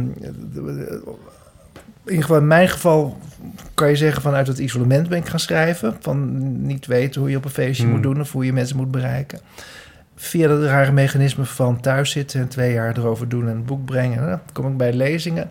En daar lukt het me dus wel. En dat is een wonder, een van de wonderen van mijn leven eigenlijk. Dat, dat mensen naar je toe komen. En ik wil daar voor 100% voor ze zijn. Wat ja. gek. Ja, Oh, wat goed. Ja. Pas maar op, hè, we hebben heel veel luisteraars. Die komen allemaal. ja. allemaal... Nou, dat mag eigenlijk wel. Dat mag Ja, eigenlijk leuk. wel. We hadden het net ook al eventjes over, eh over Storytel, want daar komen deze verhalen, deze backstage Ja. verhalen komen daar eh, vandaan. Die tellen hun eigen story, deze mensen. Eh, jij bent een van de voorlezers bij eh, Ja. Storytel. Eh, Er staan al, er staan, ik heb gekeken hoor, er staan twaalf boeken van jou in. Eh, Dus het kan zijn, ik, het- ik heb ze in ieder geval alle, alle romans en de verhalen en de dagboeken gedaan. Dus Ja. ik denk dat het 12, 13 zou moeten, maar zoiets, ja. Ik heb een Ja. schitterend gebrek heb ik ehm eh, Geluisterd. audio luisterd. Audio luisteren, gewoon geluisterd inderdaad. Eh, dat was voor mij eerlijk gezegd de eerste keer dat ik een audioboek eh, eh, tot mij nam. door jou voorgelezen. Ehm, en dat is me eigenlijk heel erg goed bevallen. Ik vond het echt heel erg leuk. Want je zei net al iets over van, nou ja, ik heb dan een routine bij het voorlezen van, van als je in de landen bent om voor te lezen. Ja, uit- routine is niet het goede Nou, nee, ik weet Nee. even niet wat je nou zei, Nee, maar nee. dat je er een, een manier voor had. Eh, Ehm, ja, ik heb een manier gevonden ehm, die een, een soort combinatie is van eh, acteren, maar ik heb de tekst erbij. ja, Dus en wat je heel zei was, van, van ik weet precies hoe die tekst Ja. voorgedragen Ja. moet worden. Nou, waar, waarom ik het zo ontzettend leuk vind om dat eh, te mogen inspreken bij Storytel, eh, is dat ehm, als ik het schrijf, eh, hoor ik het op een bepaalde manier in mijn hoofd. Voor mij is ritme heel dwingend. Dwingender dan de betekenis van een tekst is het ritme van een zin. En ehm, als ik een, voor een keuze sta bij het schrijven voor een woord wat niet het juiste ritme heeft, dan kies ik toch voor het woord wat het wel heeft, al is de betekenis minder. Hmm. Ritme is alles overheersend, komt vanuit het theater. Ik ben Hmm. inmiddels achter dat uh, Jambische pentameters heet dat. Het is een bepaald ritme in waar ik wel van afwijk, maar dat is de basis. Daar gingen we dus twee Met- keer geleden over. Oh, oké. Ja, Ja, ja, ja, ja, ja. eh, Oh ja, schrijft hij in die... uh, ja, Ja, nou, ik Oh, weet niet of dit het dan was, maar wel Nee. metrum en, en, Ja. eh, en verschillende... Ja, maar ook die Jambische pentameter. Maar het gaat Dus door. nou ja, dus dat is heel belangrijk. Dat kan ik één keer laten horen. En wat mensen niet begrijpen vaak, en dat weet je als acteur, weet je dat wel.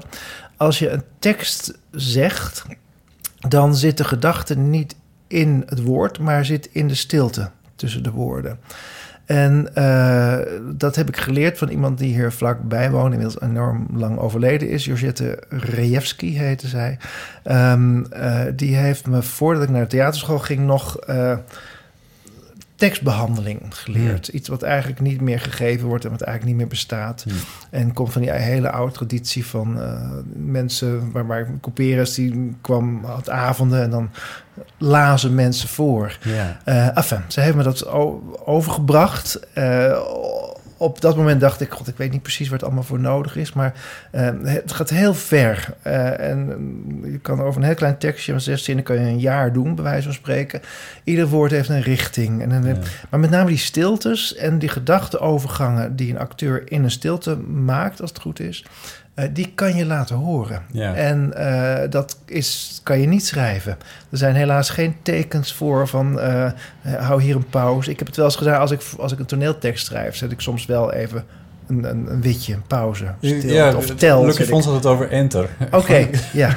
ja, eventjes gewoon... Uh, afbreken. Ja, en dan, uh, ja. ja. ja, want daar, moet, daar, moet, daar zit iets wat van belang dus is, iets, wat, niet, wat de taal nee. niet kan vangen. Nee, maar dat en, kan in een roman natuurlijk niet altijd. Dan... In een roman kan het nooit eigenlijk, gek genoeg. Nee. Je kan het ritme laten horen als mensen in het juiste ritme met jou meelezen, want dat is ook nog maar de vraag.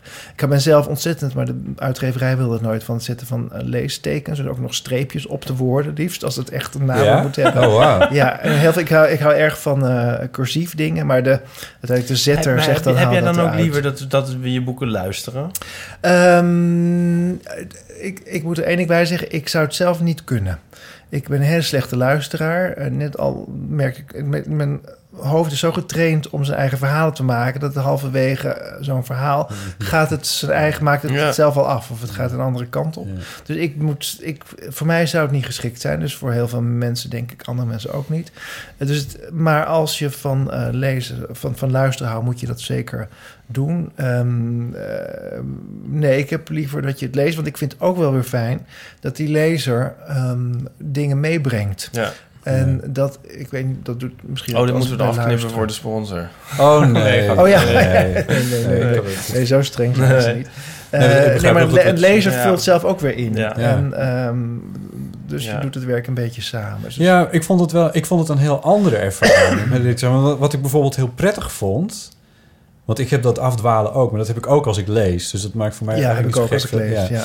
Het maakt niet zo gek van uit of ik nou gewoon lees of, of via audio tot me neem. Maar wat, wat ik wel heel fijn vond ergens, was dat, uh, uh, dat je me een soort van bij de hand nam. Van ik neem Hmm. nu mee door dit verhaal. En je hebt jouw tempo en ik, ik kan kiezen hoe snel ik het afspeel. Dat kan dan wel. Je oh, kan dat? Ja, je kan een beetje versnellen. Maar ga ik dan niet omhoog? Zo?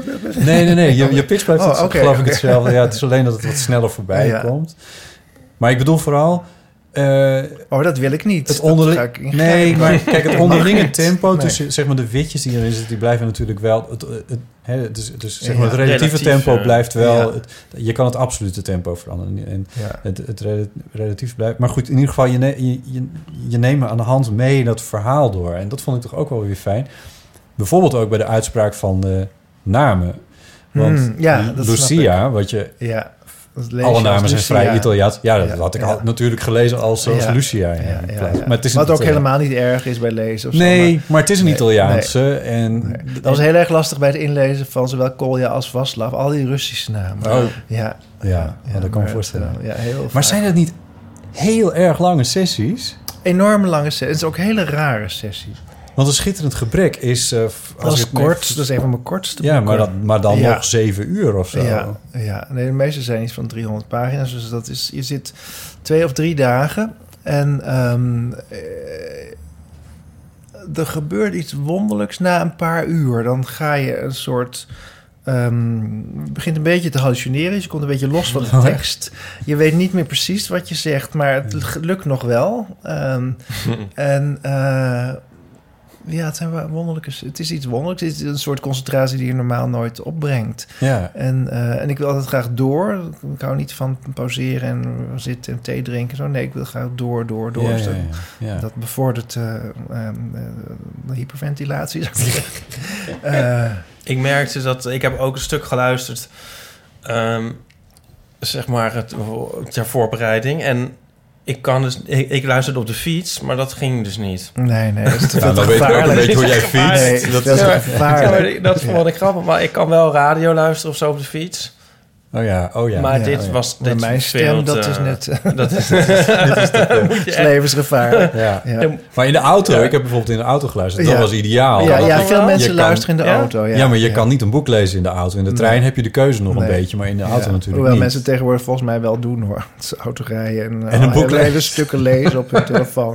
Maar, eh, ja, dat is waar. Ja. Maar goed, dit, dit is dan de veilige optie. Ja, ja, zou ik maar ja, zeggen. ja. En dat, dat, volgens mij gebeurt dat ook wel heel erg veel. Zeker met, met vakantie gaan of hele Ja. lange stukken moeten rijden. ja. Dan, eh, In een vliegtuig lijkt het me ideaal. ja, ja, ja, absoluut. Je kan gewoon lekker achterover leunen en je ogen dicht. Je kan helemaal in die fantasie gaan. Terwijl Ja. lezen is misschien toch ook wel een iets actievere bezigheid dan Ja. luisteren.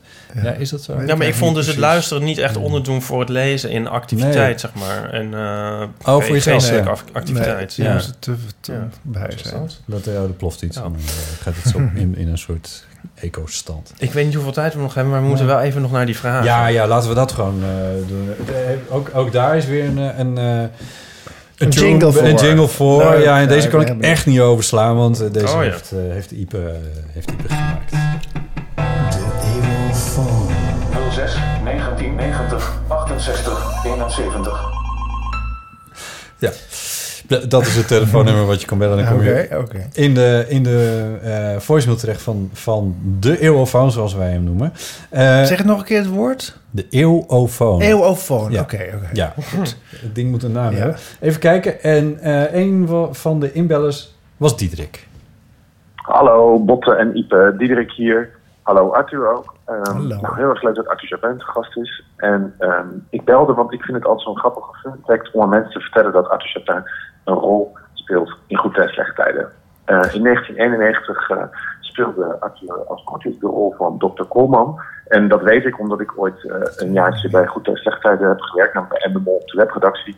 En dan was het ook altijd een fun fact. En nu zo'n 27 jaar later ben ik heel benieuwd of Arthur Chapin het ook een fun fact vindt. Of er ja, een beetje geneert. Want toch een van de grootste Nederlandse schrijvers die dan in goede tijden, slechte tijden heeft gespeeld. Of wellicht is hij daar heel uh, laconiek over. En uh, vindt hij dat ook een fact? Kortom, uh, uh, hoe was die tijd? Hoe was het toen om 27 jaar geleden in Goede Tijd, Slechte Tijd te spelen? En in Vlodder. Um, en uh, Botte kijken jullie nog wel eens Goede Tijd, Slechte Tijden? Ik zelf weinig. Heel af en toe om te kijken of er nog collega's uit de tijd dat ik er werkte in spelen. Nou, dat was mijn vraag. Heel veel plezier met de opnames. Doeg. Doeg, Diederik, dankjewel. Uh, ja, goede tijden, slechte tijden of ik het nog kijk. Ik heb het nooit gekeken, dus... dus, Nee. dus Ik heb het ook eh, nooit Ik wist eerlijk nee, gezegd nu niet dat het nog steeds was. Nee, Kennelijk. nee. Maar eh Diederik, dat is een hele goede vraag. Nee, ik, ik heb het alleen maar eh, heel leuk gevonden. Ik weet, ik, ik weet, ik heb sowieso in mijn carrière heel veel doktersjassen gedragen. Eh dat ik tuurlijk kwam altijd uit op, op dokter of rechter of eh, zoiets. Eh, ik weet wel dat ik Een, een persoon met autoriteit. Ja, zo kan, laten we het zo omschrijven. Ja, ja. ja. maar heel veel witte jassen. Eh, en ehm, nee, dat was hartstikke leuk. Ik, ik herinner me die tijd bij eh, Onderweg naar Morgen beter, omdat het echt lang langer was. Ja. Dus dit was één of twee keer. Dan, eh, en dan, dus ik, ik weet niet meer wat ik gedaan heb of hoe ik het deed. Maar ehm, nee, ik schaam me er helemaal niet voor. Ik weet wel dat toen mijn eerste verhalenbundel uitkwam in 96... toen was ik eigenlijk net pas klaar bij Onderweg naar Morgen. En toen dacht ik wel van, ik hoop niet dat ze nu in die recensies gaan schrijven... ja, zie je wel zo'n soapacteur Ja. die gaat proberen te schrijven. ja. Maar niemand heeft ooit de link gelegd tot een jaar of wat daarna ineens een foto verscheen van mij als ehm secteleider. Ik was een hele griezelige secteleider onderweg ja. naar morgen. Eh, maar toen was mijn naam gevestigd, toen maakte het niet meer uit. En dan is het eigenlijk alleen maar grappig Ja. en gek. Ehm, nee, wat ik wel vond van die tijd, ehm, eh, of van, van, van zo- allebei die series. eh, de- en ik heb dat bij Onderweg naar Morgen beter ervaren. Wat zo zonde is, is dat er eigenlijk op alle niveaus gebrek aan tijd en geld is. Eh, en tot van de, de tekst tot het kostuum. Dat je Mm. denkt, als er iets opgetild wordt... en zelfs de, de hoogte van het uitlichten, zeg maar. De lampen hingen te laag. Omdat, Oh, het, nee. omdat de, de studio te laag was. Dus Oh. als, alles is net een beetje... en dat is zo zonde, want Ja. de, de, de, energie die erin gaat... is hetzelfde. Maar, eh, en op een gegeven moment, ik was in onderweg naar morgen eh, bedoeld voor, nou zeg maar zeggen, drie weken. En op dat moment gingen ze van half zeven naar zeven uur in uitzendtijd, waardoor er ineens meer kijkers waren. En dan wilden ze die, ehm, die formule niet veranderen. Dus mijn rol, die werd uitgebreid en uitgerekt. Dus het bleef een maand of drie, vier. En dan denk je, krijg je het script en denk je, maar ik heb die scène al gespeeld. En dan het is het eigenlijk hetzelfde, blijf je steeds doen. Oh, Dus op een gegeven moment was het een beetje eh, saai aan het Ja. worden. Eh, maar ik, heb, ik schaam me er totaal niet Hoe, voor. hoe ben je eruit gegaan dan? Ehm, dat weet ik niet meer. Ik ben, ik niet, ik ben niet doodgeschoten. Ik weet niet meer. ik weet niet meer hoe ik eruit was. Nee, Gebeurt gezegd, dat in eh, Nederlandse, in Nederlandse ja, dat is altijd Is een het makkelijke, eh, ma- makkelijke uitweg. Dat ik opgepakt ben of zo. Ik Ah, was ja. echt een criminele Oh ja, organisatie leidde ik. Ja, Ja, precies. ja, Ja. Doe eerst die. Eerst die? Ja. Oké, eerst die. We hebben nog een vraag. Die is Ja, heel specifiek ook aan, eh aan, Aan jou. mij. Hoi Botte, Ipe en Arthur. Hoi. Ik heb een vraag voor de eeuwfoon over een relatie met z'n drieën. Of zoals ik het liever noem, een trouble. Mijn vraag is deze. Hoe ga je van met z'n tweetjes naar met z'n drieën? Voor degene die erbij komt is het moeilijk omdat de andere twee al zoveel meegemaakt hebben samen. Ja. Maar andersom kan het voor de bestaande relatie ook moeilijk zijn dat er een nieuw, interessant, spannend iemand bij komt die dan misschien wat meer aandacht krijgt. Hoe denken jullie hierover? Hoe zorg je ervoor dat iedereen zich prettig voelt bij, zo'n relatie? Ik heb zelf in zo'n situatie gezeten en dat was voor ons heel moeilijk. Uiteindelijk werkte het niet en dat heeft mij veel pijn gedaan. Ik ben heel benieuwd naar jullie antwoord. Veel liefs. Arthur, je had Ja. het al gehad over Ben en over Lex. Ja, Dat zijn twee mensen waarmee je samen ja. Ja, nee, het is een hele goede vraag. partner? En het is, het is ook een, ehm, iets wat je... Nou, je hebt het dan meegemaakt. ehm, maar ehm, eh, het was voor ons toen het gebeurde ook helemaal nieuw. Ik was ook totaal niet naar op zoek. Ik was volledig gelukkig, 100% gelukkig met Lex. Eh, maar het gebeurde. Ik, was, ik ging een half jaar naar New York om eh, les te geven aan NYU. En omdat de Zwarte met Witte Harten uitkwam... kon ik alle productiedingen daar doen, alle promotie. Hm. En eh, vrijwel de eerste dag ehm, ben ik de assistent van mijn uitgever in New York. En eh, eh, had, wist ik, heb ik pas later gehoord, maar die was al gevallen op mijn foto en had, had zich dit allemaal voorgenomen. Maar eh, ehm, Alsof je een soort boy bent in grauw bent. ja, ja, zoiets, ja. Ja, dat was een villa ergens. Nee, weet je wat Ben's openingszin was? Eh, eh, heb je tijd in het weekend wil je graag een Nederlands kerkhof laten zien. Is, Oh, ja, er zit wel iets met die villa van. Ja. We hebben dat kerkhof nooit bereikt, overigens. Oh. Maar ehm, hoe dan ook, eh, dat gebeurde. En het, het eh, wonderlijke in mijn geval, ik denk wel dat dat Ehm, zonder dat ik dat wist, maar dat, dat het, geheim is van het slagen is, is, is volledige openheid. Dus wat gebeurde er? Ik was op dat moment al iets van 20 jaar met Lex. En je deelt alles. Dus met alles wat je meemaakt, zei, oh nou even dit vertellen. Dus, dus ik had Ben ontmoet en eh, het eerste wat ik wilde doen Alleen zei Ben, van doe dat nou maar niet, want straks wil hij het niet hebben en dan is het voorbij. Eh, maar wat ik wilde doen en kort daarna ook gedaan heb, was Lex bellen en zeggen: Nou, er is nog zo iemand. Ik heb het, u past bij ons, die hoort bij ons. Het is zo leuk. En, dat. Ehm, en uh, enfin, het, wat er nodig is, is. ehm, of wat er gebeurt, eigenlijk heb ik daar in een schitterend gebrek over geschreven. Want dat was ik aan het schrijven op het moment dat het gebeurde. Hmm. Ehm, wat mensen, de fout die mensen vaak maken met de liefde is denken, staat er volgens mij in een schitterend gebrek, eh, of misschien nog in het boek daarvoor, eh, denken dat de liefde een fles is waar maar zoveel glazen uitgaan. Dat je denkt, oh god, maar als hij ervan drinkt, dan heb ik niet genoeg. En dat, Volgens mij is en- het gebrek. ja, en, en dat is niet zo. Eh, het is een wonderbaarlijke vermenigvuldiging. Je schenkt uit en, zoals in de Bijbel of waar dan ook, het, het, het wordt meer. Ehm, een beetje denkend aan Elizabeth Taylor en waar we het net over hadden. Je geeft energie en dat komt meer terug. Ehm, als je dat mechanisme durft te vertrouwen, dan, dan lukt het. En als een van de drie denkt, ehm, maar ik moet me verdelen of ik krijg niet genoeg, eh, dan gaat het mis. Dus volledig, of volledig, ja, openheid is, is heel erg belangrijk. Belangrijk is dat het. Ik zelf ben niet zo gelukkig. Ik ben, ik ben degene in het midden, zeg maar. Ik zou niet zeker genoeg zijn om dat anderen te verdragen. Maar Lex is Ja, wacht iemand-. Je bedoelt, je bent een... De, ik ik ben degene die, die van twee kanten liefde ontvangt. Ja, precies. dus dat is eigenlijk eh, aan de ene kant een makkelijke situatie... aan de andere kant een moeilijke situatie. is, want dat is ook nu nog de situatie dat Blacks en Ben hebben misschien niet zoveel met elkaar als jij met... Eh, in- inmiddels wel, maar op een andere manier. Eh, Ja. Ooit was het echt, het, eh, ja, was het echt een, een driehoek, zeg maar. Maar zij hebben daar allebei minder behoefte aan. Maar we zijn eigenlijk, nu is het inmiddels is het heel erg normaal. We zijn gewoon echt een gewoon gezin waar eigenlijk helemaal niks bijzonders meer over te vertellen is. Maar in het begin moet je het allemaal uitzoeken. En. Maar nu heeft alles zijn plaats en iedereen heeft zijn plaats. En gewoon letterlijk uitzoeken van wie gaat waar wonen en wie slaapt waar en hoe werkt dat en hoe, hoe is die energie in een kamer. En gewoon letterlijk eigenlijk eh, vrij technische dingen. Ehm, en, ehm, maar als je dat eenmaal, als dat eenmaal. Oh ja, dus wat nodig is, wou ik zeggen, dat de andere twee vrij zeker zijn. Ehm, misschien Van- is het niet voor niks dat ik on- onzeker iemand ben en van dubbele liefde nodig heb. Ja.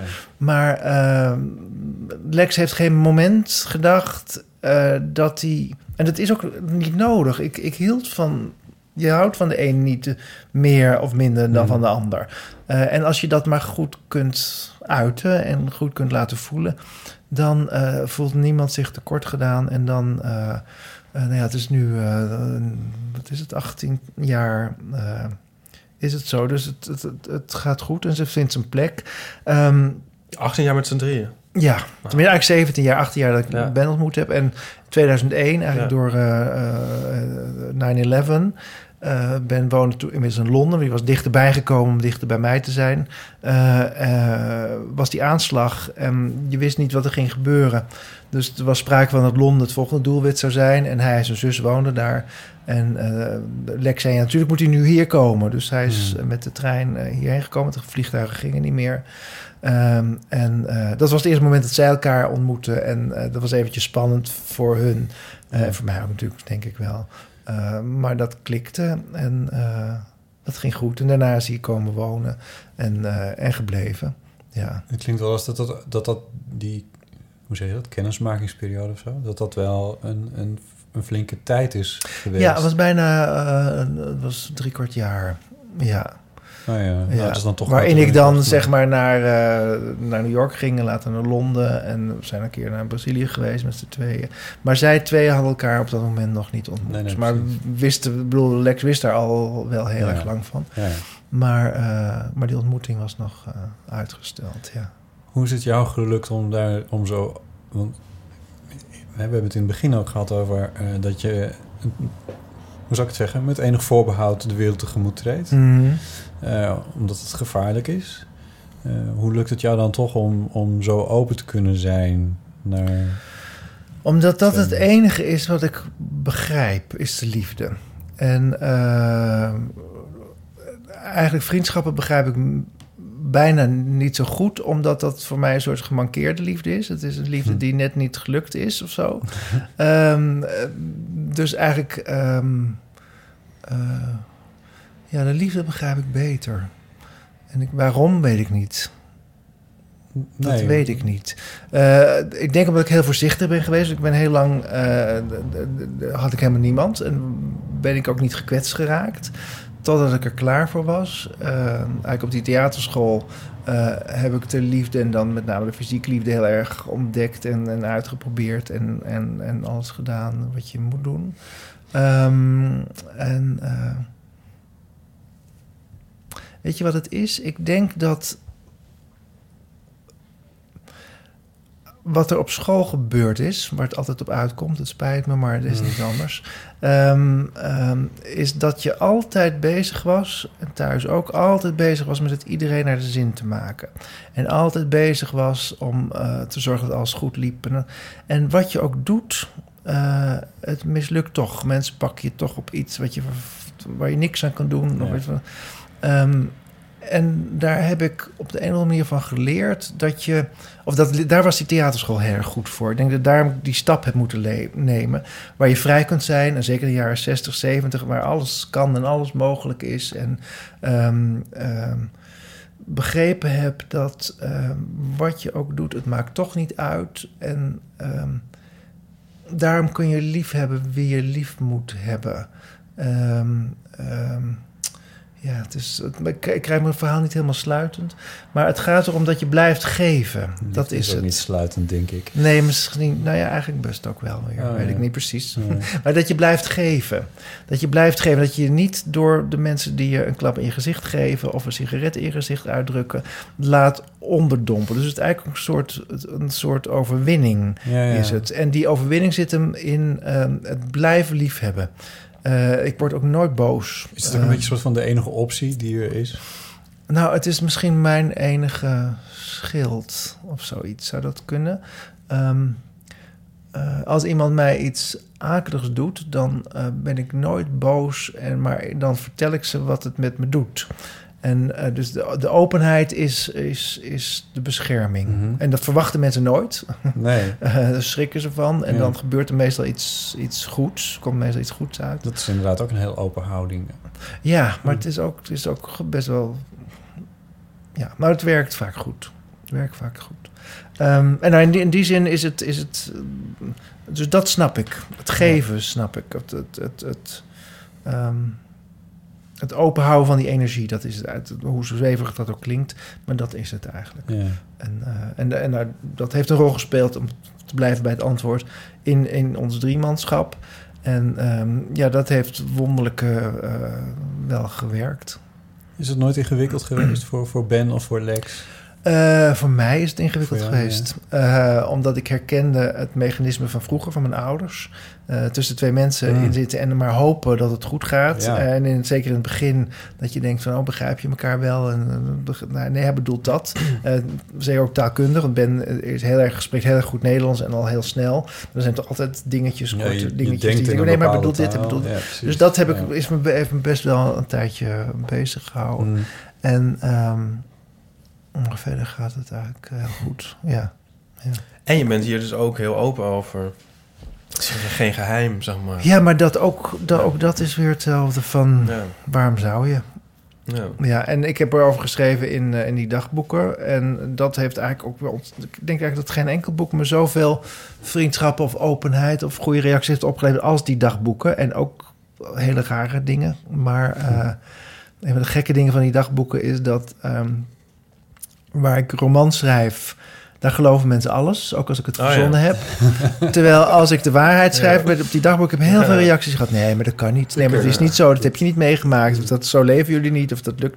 Dat, dat is, en daar heb je geen verweer tegen als het je eigen leven is. Dat is heel raar. Is er een specifieke gebeurtenis waar, waar, dat, waar dat vaak over werd gezegd? Ehm, nou, met name over dat driemanschap wel. Eh, ik- dat kan niet bestaan. Dat kan Dat- niet. En met name even. Paul de Leeuw, die echt een grote fan van me is en die, die ik heel goed eh, overweg kan. Eh, maar live in de uitzending, Paul op zijn wilde manier. eh, ja, maar dat kan natuurlijk niet. Nee, natuurlijk is even jullie verdriet. En dan heb je geen, heb je geen weerwoord op of zo. Nee, nee, Het- wat moet je want je, eigen leven is geen... Over een figuur kan ik zeggen, nee, maar hij was dat. En zo.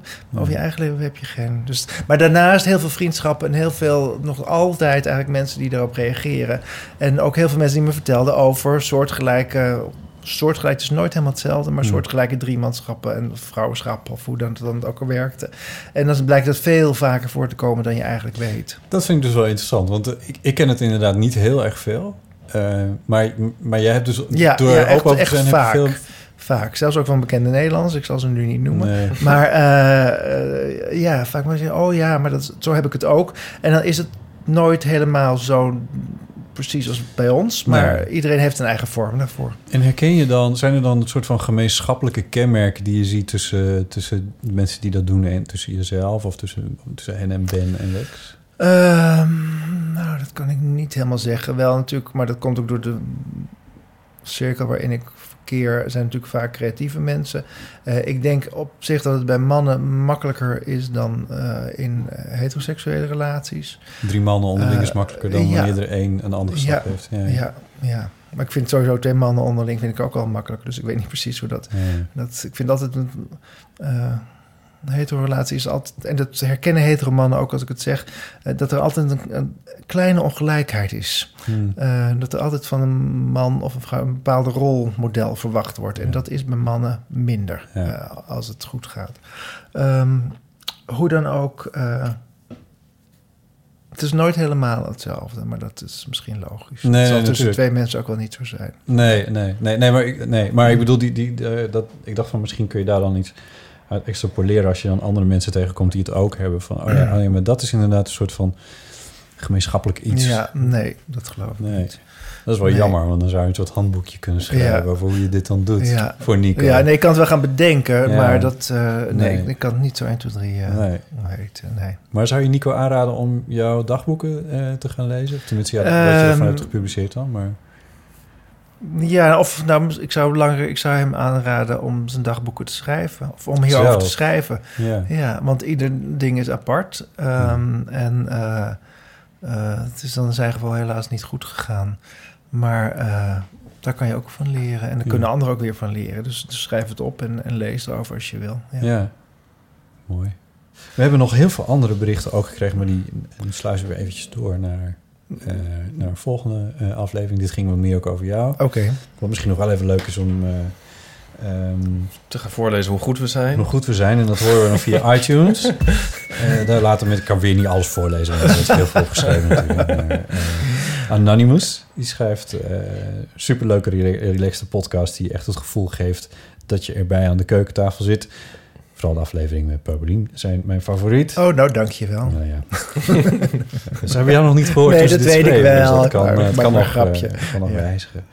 Ehm show notes is ook eentje, is een reactie. Goedemorgen heren, hier even een vraagje. Vaak hebben jullie het over de dingen eh, in de show notes zetten. Waar kan ik deze show notes vinden? Gewoon onderaan de aflevering. Ja.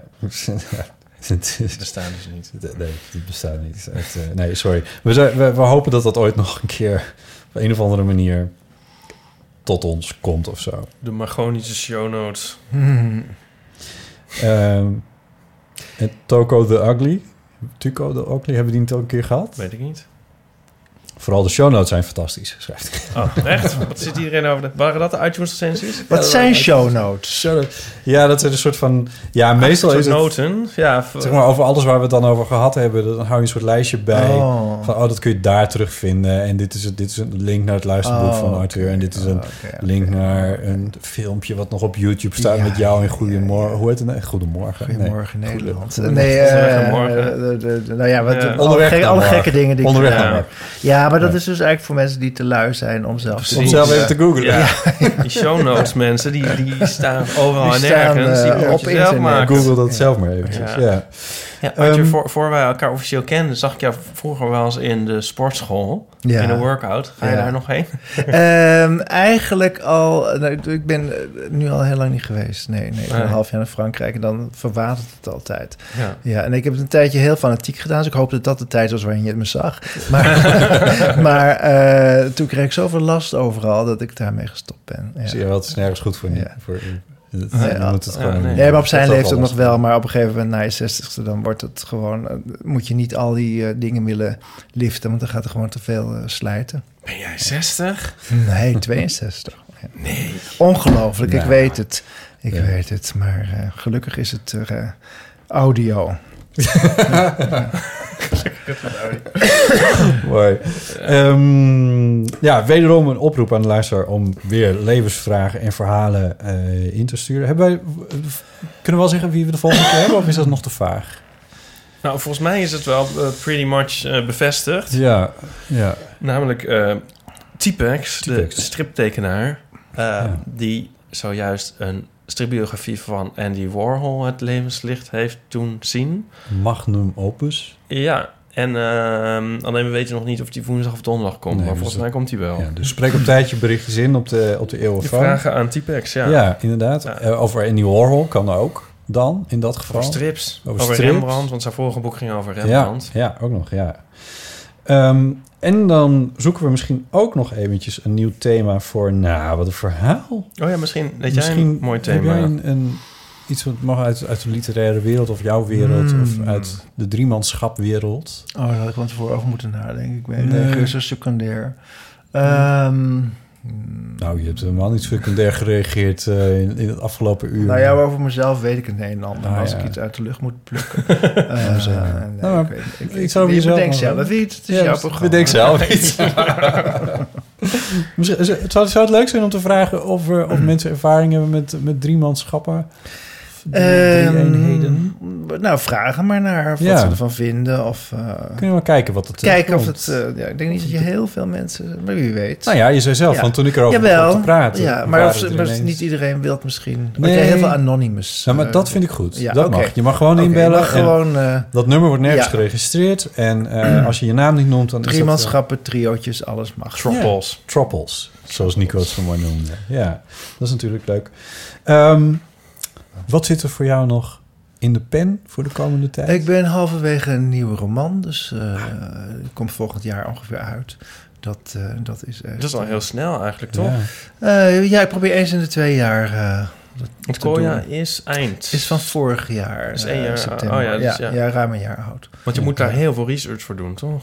Ehm, ja en nee. Eh, deels research en deels... Gek genoeg is het verzinnen van hoe mensen gevoeld hebben en gedacht hebben... en hoe dat moet zijn geweest, is eigenlijk intensiever. Hm. Ehm, eh, over Kolja was heel erg veel te lezen. eh, over het boek waar ik... Ik bedoel, er bestond al heel erg veel over. Dus het was mak vrij makkelijk te vinden. En over dit boek ietsje minder, maar... Maar goed, het is, je leeft, Het is weer een je leeft minstens roman. twee jaar in zo'n... Het is weer een historische roman. Mo- ja. Mogen we weten waarover? Eh, nee. nee. Aha.